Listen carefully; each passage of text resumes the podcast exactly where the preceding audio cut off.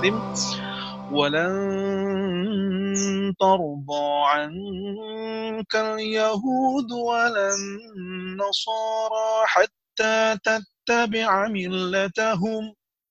وقال في سورة أخرى ولتجدن أشد الناس عداوة للذين آمنوا اليهود.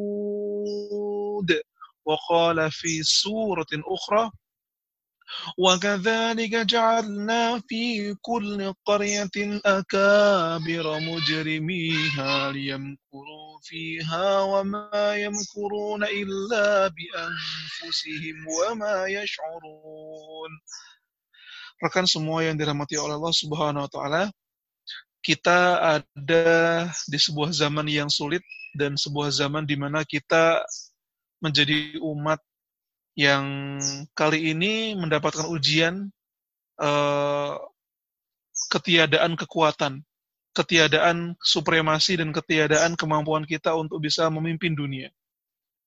Ada kemampuan itu, namun kita belum sungguh-sungguh mengeksplorasi. Padahal selama 1400 tahun lamanya, kita ini menjadi guru bagi dunia.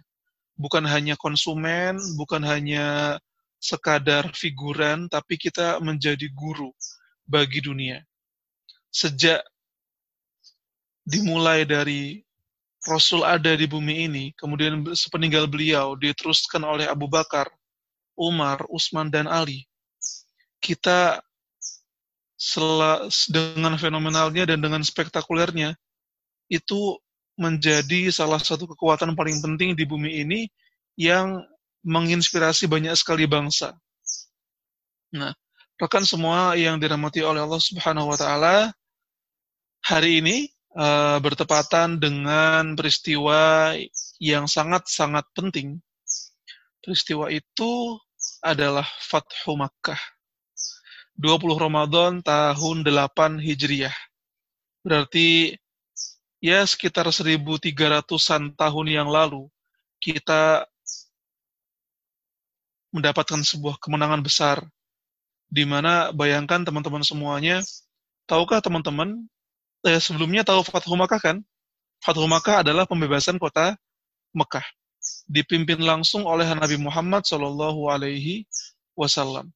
Di hari ini 1300-an tahun yang lalu kita datang menuju ke kota Mekah kota yang dulu mengusir Nabi Muhammad kota yang dulu menyakiti Nabi Muhammad, kota yang pembesarnya, rakyatnya banyak yang mengusir, menyakiti, menekan, dan mengazab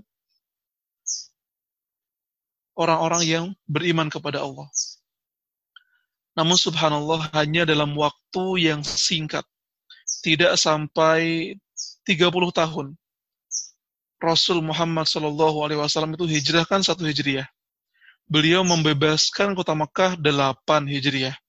Hanya dalam waktu 8 tahun, Nabi Muhammad yang tadinya terusir, yang tadinya tersakiti, yang tadinya tertekan, datang ke kota Mekah sebagai pembebasnya. Pertanyaannya adalah, kalau kita menjadi posisi Nabi Muhammad di hari itu, apa yang akan kita lakukan? Barangkali yang akan kita lakukan adalah kita ingin membantai seluruh penduduk kota karena dendam yang membara di hati kita. Barangkali yang ingin kita lakukan adalah bagaimana caranya seluruh bangunan di kota Makkah itu hancur lebur. Namun teman-teman semuanya, semua itu tidak terjadi. Semua itu sama sekali tidak terfikirkan oleh Nabi Muhammad Sallallahu Alaihi Wasallam. Allahumma salli wa sallim wa barik alaihi. Justru ketika beliau datang ke kota Mekah sebagai pembebas, Allah berfirman, "Fasabbih bihamdi rabbika wastaghfir." Dan bertasbihlah kepada Allah dan meminta ampunlah padanya. Biasanya kalau orang-orang, kalau para penguasa, kalau para penakluk itu masuk ke sebuah kota, mereka akan menghancurkan bangunan-bangunan di kota itu. Mereka akan menyakiti orang-orangnya mereka akan menghinakan penduduk-penduduknya. Innal innal muluka idza dakhalu qaryatan afsaduha wa ja'alu a'izzata ahliha adillah. Bayangkan teman-teman, 10 ribu tentara lengkap, profesional, dibagi dalam empat legion. Legion yang dipimpin oleh Abu Ubaidah bin Jarrah, Zubair bin Awam, Ali bin Abi Thalib, dan pedang Allah Khalid bin Walid. Itu kalau mereka mau, habislah penduduk Mekah. Namun subhanallah, Rasul malah kemudian mencontoh apa yang dilakukan Nabi Yusuf kepada saudara-saudaranya. Idhabu fa'antum tulaqa. Pergilah kalian, sesungguhnya kalian sudah dibebaskan. Hari yang sangat fenomenal itu diabadikan dan menjadi model setiap pembebasan dan setiap interaksi yang dilakukan kaum muslimin ketika masuk ke sebuah negara, sebuah kota, ketika membebaskan sebuah wilayah. Tidak boleh ada yang terdolimi. Tidak boleh ada pembantaian. Tidak boleh ada anak-anak yang tersakiti. Tidak boleh ada wanita-wanita yang terdolimi.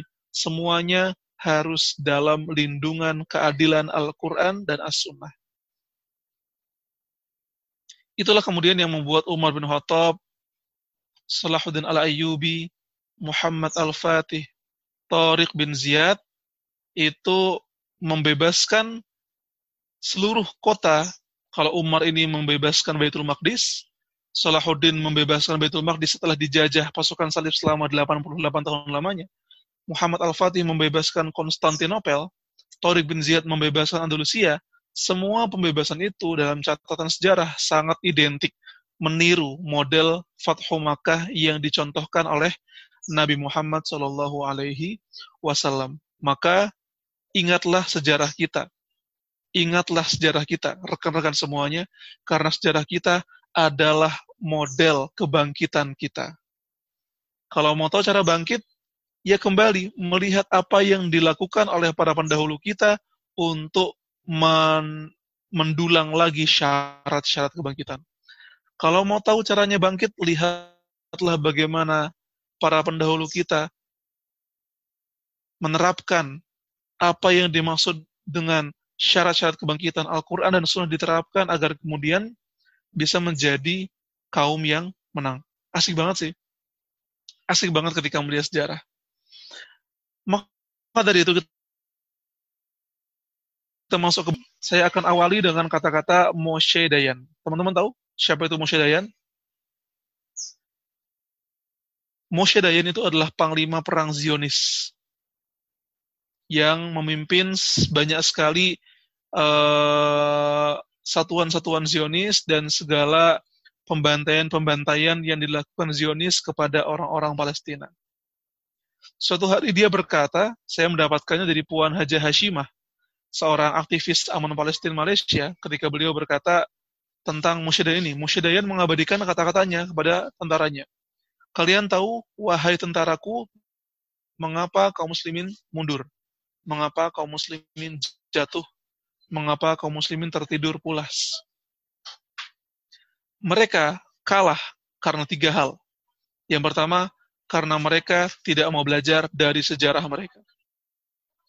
Yang kedua, karena mereka malas belajar.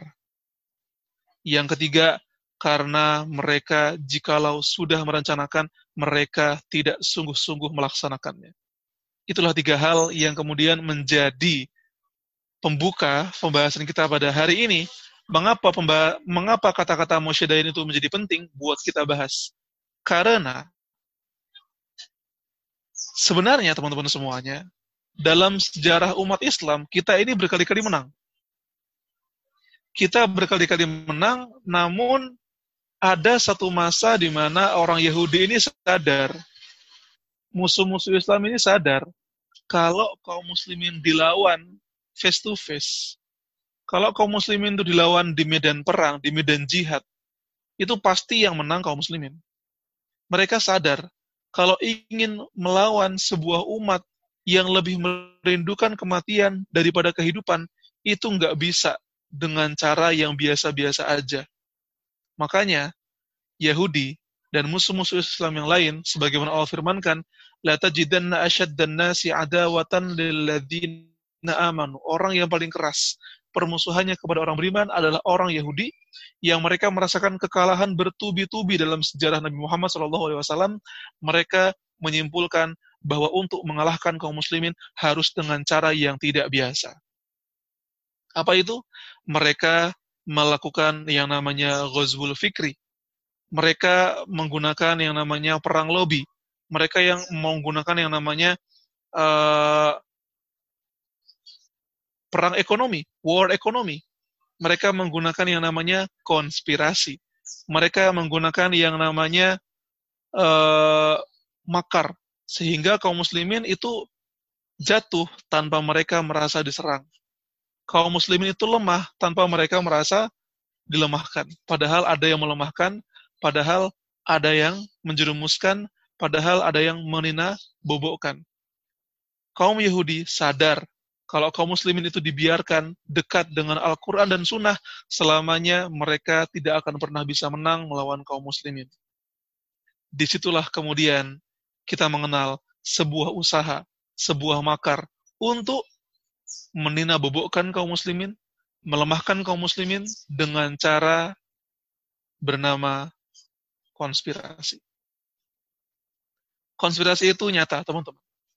Konspirasi itu tidak hanya hayalan, bualan yang ada di film, yang ada di serial-serial, konspirasi itu adalah sesuatu di mana beberapa orang itu merencanakan beberapa orang yang punya kedudukan, beberapa orang yang punya kedudukan dan punya kekuatan itu berusaha membuat sebuah makar bagi umat Islam ataupun masyarakat dunia dengan cara yang apa namanya tidak lazim barangkali. Bukan dengan perang, bukan dengan apa namanya kontak senjata, namun dengan sesuatu yang sifatnya justru lebih hebat lagi efeknya. Nah, maka akan saya bacakan kan ini temanya kan peran elit global ya. Peran elit global dalam konflik Palestina Israel saya tidak akan banyak-banyak membahas tentang uh, konflik realnya menggunakan apa namanya maksudnya tidak, akan membahas secara runut dan detail karena saya sendiri membahas tentang itu jadi memang pernah membahas dan pernah mempelajari. Maka saya akan menjelaskan dari sudut pandang sesuai dengan latar belakang kami yaitu background syariah background uh, agami agamis gitu ya supaya teman-teman bisa uh, memahami betapa dari sudut pandang itu saja kita akan tahu Yahudi dan musuh-musuh Islam yang lain itu berusaha siang dan malam untuk menjerumuskan Islam dengan bentuk konspirasi mereka. Nah, teman-teman semuanya elit global, elit dalam Al-Quran itu disebut uh, 17 kali. Al-Mala disebutkan dalam Al-Quran 17 kali. Elit itu ya al-mala dalam bahasa Arabnya ya. Disebutkan dalam 17 kali dalam Al-Quran dan penyebutan elit itu tergantung bagaimana kisah yang melingkupinya. Jadi ada elitnya Nabi Sulaiman, ada elitnya Fir'aun, ada elitnya Ratu Bilqis. Elit itu sebuah istilah yang menggambarkan tentang para pembesar-pembesar kaum gitu loh. Orang yang sedikit jumlahnya, tapi apa yang mereka lakukan, apa yang mereka bahas, dan apa yang mereka diskusikan itu menentukan arah kebijakan sebuah negara. Jadi, kita perlu sadar teman-teman, ternyata dalam negara yang berjalan, dalam peradaban yang berjalan, dalam segala peristiwa yang ada di hari ini, itu sering kali terjadi hanya karena diskusi beberapa orang saja peristiwa-peristiwa besar yang terjadi di bumi ini itu sering kali terjadi karena obrolan beberapa orang di atas meja makan. Namun orang-orang ini adalah orang-orang yang punya kedudukan dan punya kekuatan.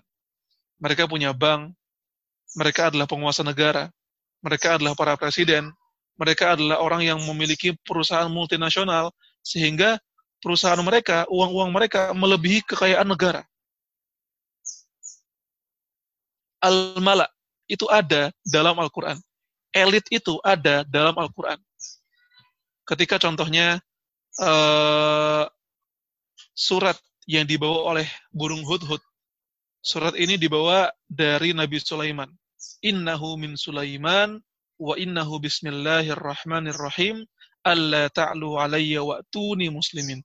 Surat, bayangin. Surat dikirim oleh seekor burung.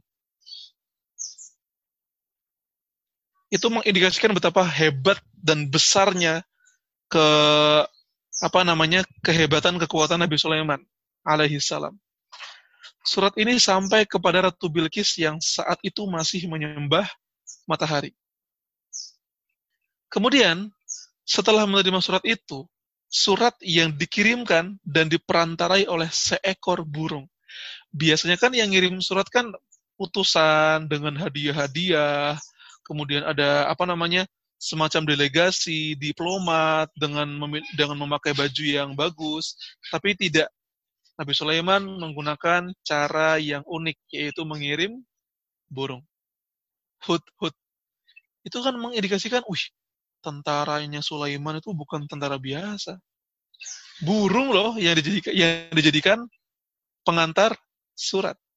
Maka Ratu Saba, Ratu Bilqis meminta uh, arahan elit-elitnya meminta arahan apa sebaiknya yang harus aku lakukan untuk menghadapi sang Sulaiman ini. Elit-elit negara itu, jadi teman-teman semuanya, untuk membuat sebuah keputusan, ini mau nyerang Sulaiman atau enggak? Mau berdamai dengan Sulaiman atau enggak? Padahal kan keputusan sepenting itu akan mengharuskan rakyat satu negara buat bergerak menuju Sulaiman. Ratu Bilqis tidak meminta pendapat rakyatnya semuanya. Ratu Bilqis meminta pendapat al-mala, elit-elitnya, pembesar-pembesarnya, yaitu hanya segelintir orang. Segelintir orang, gak banyak orang. Namun teman-teman semuanya, elit-elit ini kemudian menawarkan kepada Ratu Bilqis untuk, ya sudah, kita ini punya tentara yang besar, wahai Ratu. Kita punya bala, bala pasukan yang hebat. Kalau kita mau perang, kita siap perang. Jadi hanya karena perkataan elit ini mereka mengor mereka mereka tuh apa yang mereka simpulkan, apa yang mereka diskusikan ketika mereka bilang A, maka keputusan itu bisa mempengaruhi sebuah negara. Kalau kita perang, ayo kita perang, wahai ratu. Rakyat kita semuanya siap. Padahal yang mengatakan tuh hanya segelintir orang. Namun Ratu Bilqis ini bijak. Dia tahu Nabi Sulaiman itu bukan orang biasa. Kenapa dia tahu? Karena yang ngirim surat itu burung hut-hut. Mengindikasikan betapa hebatnya Nabi Sulaiman. Yang kedua, isi suratnya. Nggak main-main. Bismillahirrahmanirrahim. Allah ta'alu alayya wa'tuni muslimin. Janganlah engkau sombong di hadapanku dan datanglah aku da untuk berserah diri. Kalau surat isinya kayak gitu, itu ancaman yang benar-benar singkat, padat, jelas, dan mengindikasikan kekuatan yang yang yang sangat powerful. Maka Ratu Bilqis memilih untuk mem, me, mengirim hadiah-hadiah bagi Raja Sulaiman. Elit itu ada sejak dulu. Ketika Nabi Musa berhadapan dengan Fir'aun, Fir'aun ini berkata pada elit-elitnya, Wih itu, Musa tuh, orang yang dulu saya didik dari anak-anak menjadi seorang perwira, menjadi seorang yang hebat dalam bertempur. Sekarang dia datang. Jadi dalam kerajaan, dalam pemerintahan, dalam uh, peradaban, dalam banyak bangsa, sering kali raja itu, penguasa itu, itu kalau misalkan memutuskan sesuatu itu nggak nggak minta tanya rakyatnya, enggak. Bahkan dalam negara demokrasi, enggak sering kali dia hanya meminta pendapat elit-elitnya. Maka teman-teman semua yang dari sini, dari kisah itu, kita ingin membuat sebuah kesimpulan bahwa banyak sekali keputusan-keputusan yang me merugikan orang banyak atau menguntungkan orang banyak itu hanya dibahas oleh sebagian kecil orang. Itulah yang kita akan namakan elit dan memang elit elit bekerja seperti itu. Nah, konflik Palestina, mengapa ia dijajah dan bagaimana dia dijajah, itu merupakan hasil dari konspirasi para elit di masa itu. Orang-orang Yahudi tahu kalau mau kalau mau berhadapan dengan Muslimin, nggak bisa tentara lawan tentara, pasti kalah itu. Pasti kalah Zionisnya maksudnya. Pasti kalah Yahudinya. Makanya mereka itu ke Eropa, Yahudi ke Eropa, ke Amerika. Mereka menguasai bank, mereka menguasai perusahaan-perusahaan, sehingga kebijakan-kebijakan negara, kebijakan perusahaan, kebijakan multinasional itu ada di tangan orang-orang Yahudi. Contoh, contoh, contoh kecil. Ketika awal mula Palestina dijajah oleh Inggris itu adalah perjanjian Six Picot. Perjanjian antara dua diplomat Inggris dan Prancis. Dua diplomat Inggris dan Prancis. Di tahun 1916. Mereka berkumpul di satu meja di sebuah ruang tertutup dengan keadaan yang enak, tenang, bukan di tenda perang, bukan di arena perang, mereka duduk saja duduk merumuskan ada peta di atas mereka, mereka bagi-bagi peta itu seperti seperti kuetar yang mereka bagi-bagi menuju kepingan-kepingan kecil. Masalahnya peta itu bukan peta? Peta dunia Islam. Tahun 1916, Inggris dan Perancis lewat dua orang bernama Six dan Picot ini merumuskan nanti kalau negara Utsmaniyah runtuh, bagian Suriah buat kamu, bagian Palestina buat aku, bagian Irak buat kamu, bagian Kuwait buat kamu, bagian Arab buat aku, bagian Libanon buat kamu. Dibagi-bagi oleh hanya dua orang. Dua orang. Six speaker. Bahkan mereka merencanakan pembagian wilayah kekhalifahan Turki Utsmani itu sebelum Perang Dunia Satu selesai. Bahkan sebelum Perang Dunia Satu tuh mulai bahkan. Luar biasa. Mereka itu mereka sudah tahu bahwa akan terjadi Perang Dunia Satu dan mereka sudah merencanakan bahwa Utsmaniyah akan kalah dalam Perang Dunia Satu ini. Saking visionernya mereka.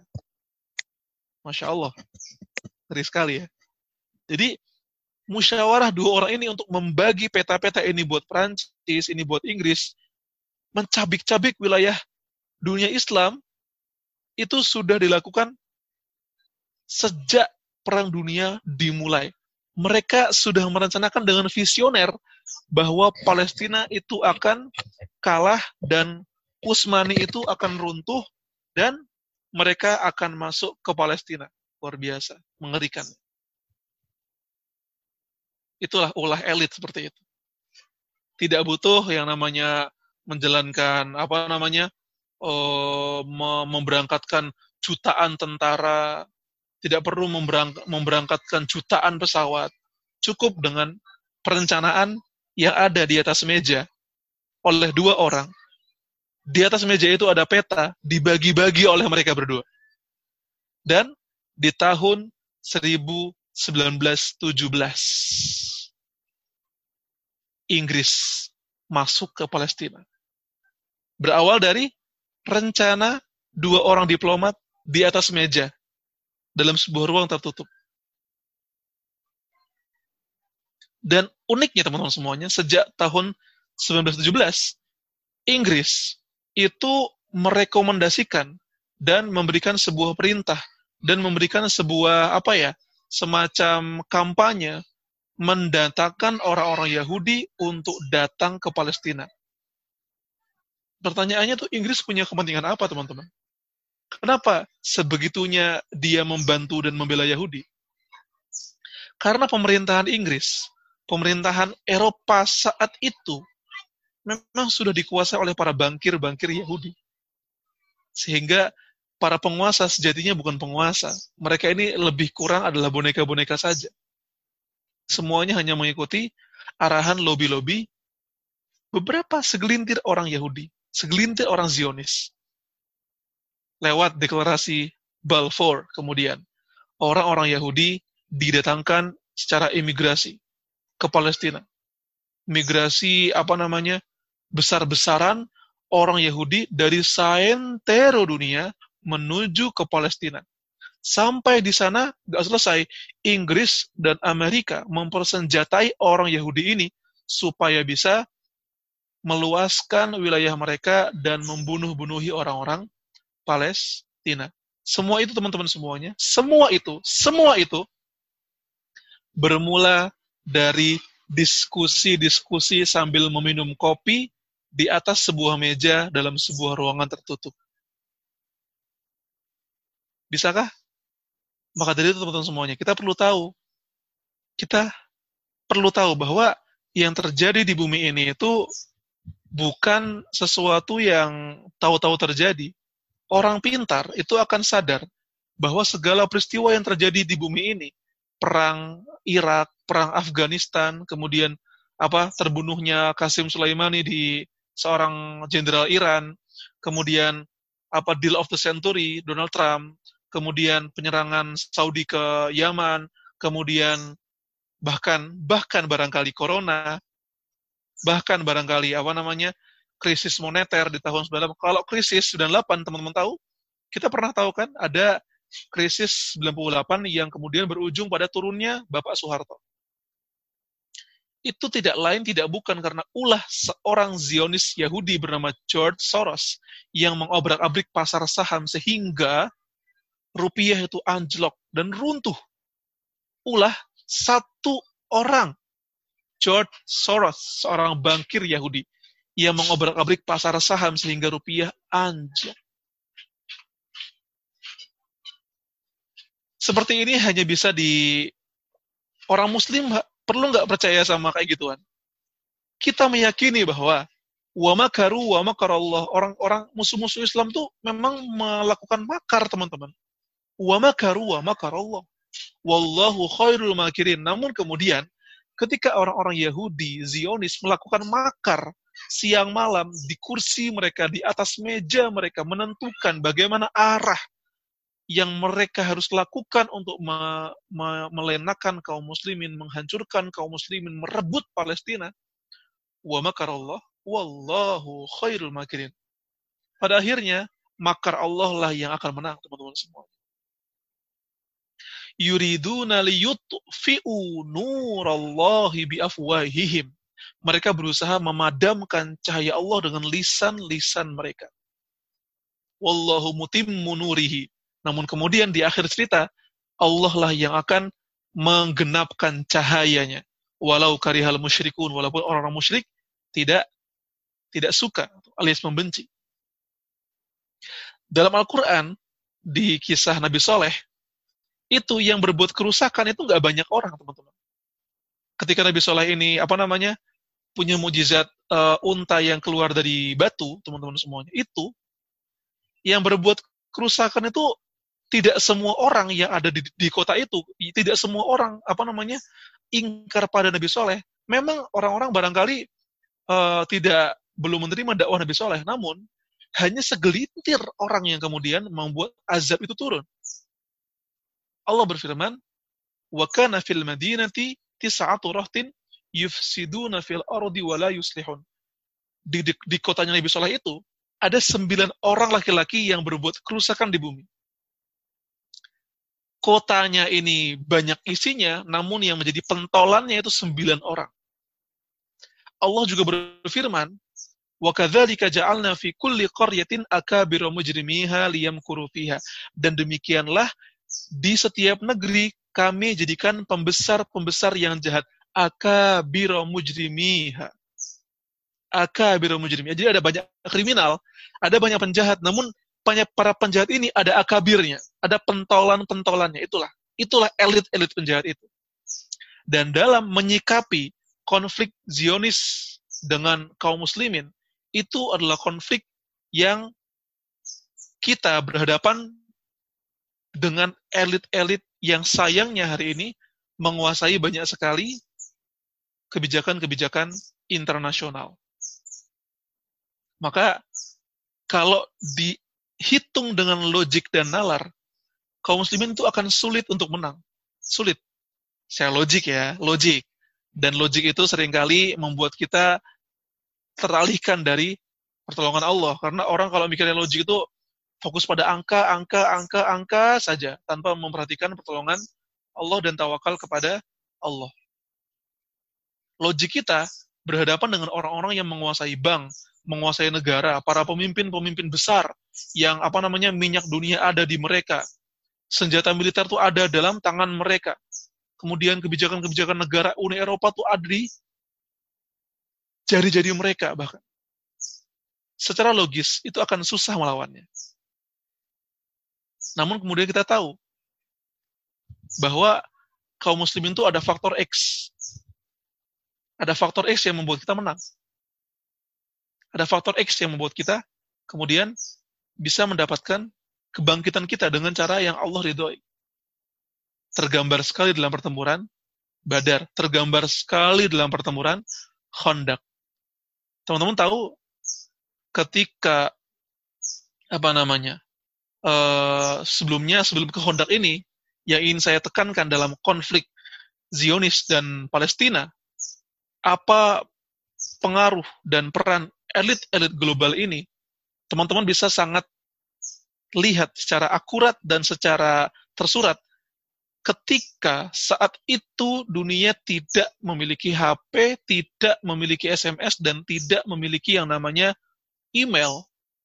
Di hari ketika Zionis Israel mengumumkan negara Israel berdiri, establish, beberapa menit kemudian Amerika dan Rusia mengakui kedaulatan Israel. Bisa teman-teman bayangkan betapa terencananya itu dengan rapi. Makanya ada yang mengatakan bahwa Israel itu adalah Amerika kecil dan Amerika adalah Israel besar. Ya. Jadi luar biasa betapa koneksi para elit-elit ini ini membuat masalah di Palestina begitu rumit untuk diusaikan secara logis. Namun kemudian untuk menutup uh, kita melihat dalam perang Khandaq. Tahukah teman-teman semuanya bahwa perang Khandaq ini bermula dari dialog para elit? Tahu perang Khandaq? pada Khandaq itu perang perang terbesar, perang dengan jumlah pasukan musuh terbesar yang datang ke Madinah. Itu itu bermula dari dialog para elit. Elit-elit Yahudi. Huyai bin Akhtab. Dia elit Yahudi yang baru saja diusir dari Madinah karena pengkhianatannya pada Rasulullah. Dia datang ke Mekah. Kemudian dia menghasut Abu Sufyan bin Harb sebagai pemimpin orang Quraisy saat itu.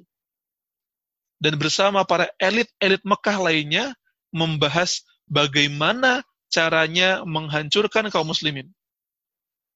Huyai bin Akhtab menawarkan seharusnya kalian semua orang-orang Arab bersatu dalam satu pasukan besar untuk menghancurkan kaum muslimin. Maka dialog kecil elit-elit ini yang ada di sebuah ruang bernama Darun Nadwa berakibat pada berangkatnya 10.000 pasukan seluruh Arab untuk menghancurkan Madinah. Kaum muslimin jumlahnya cuma 3.000 versus 10.000.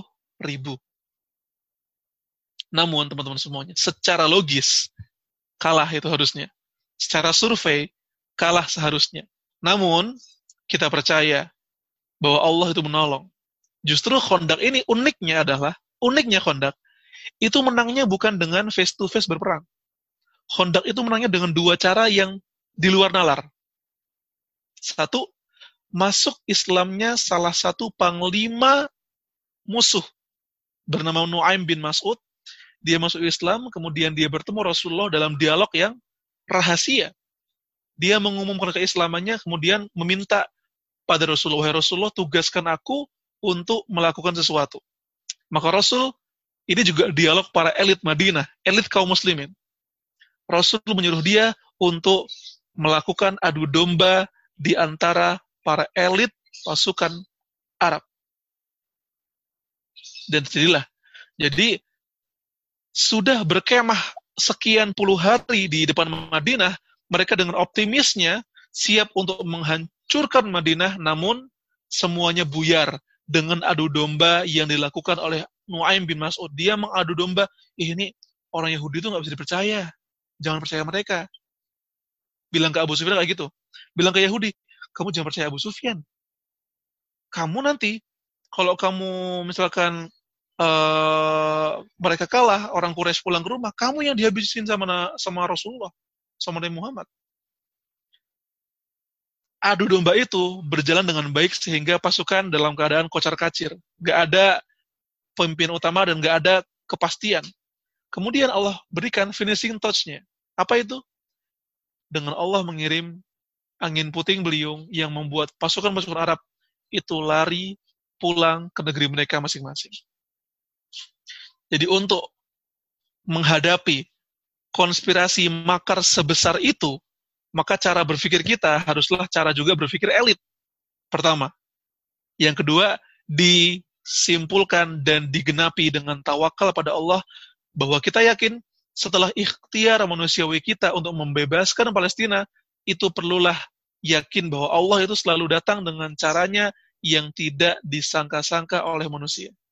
Saya lebih kurang mengungkapkan tentang beberapa fakta betapa berperannya elit dalam konflik Zion Israel dan kemudian menghubungkannya dengan Al-Quran bahwa ternyata dalam Al-Quran itu ada elit, istilah elit dan juga kita mendefinisikan elit itu ada dan juga menggambarkan dalam contoh betapa kondak itu adalah ulah elit yang kemudian Allah berikan solusinya dengan cara yang tiada disangka-sangka. Wallahu a'lam bishawab. Assalamualaikum warahmatullahi wabarakatuh. Aman Palestina Indonesia, keikhlasan Anda, ketulusan kami.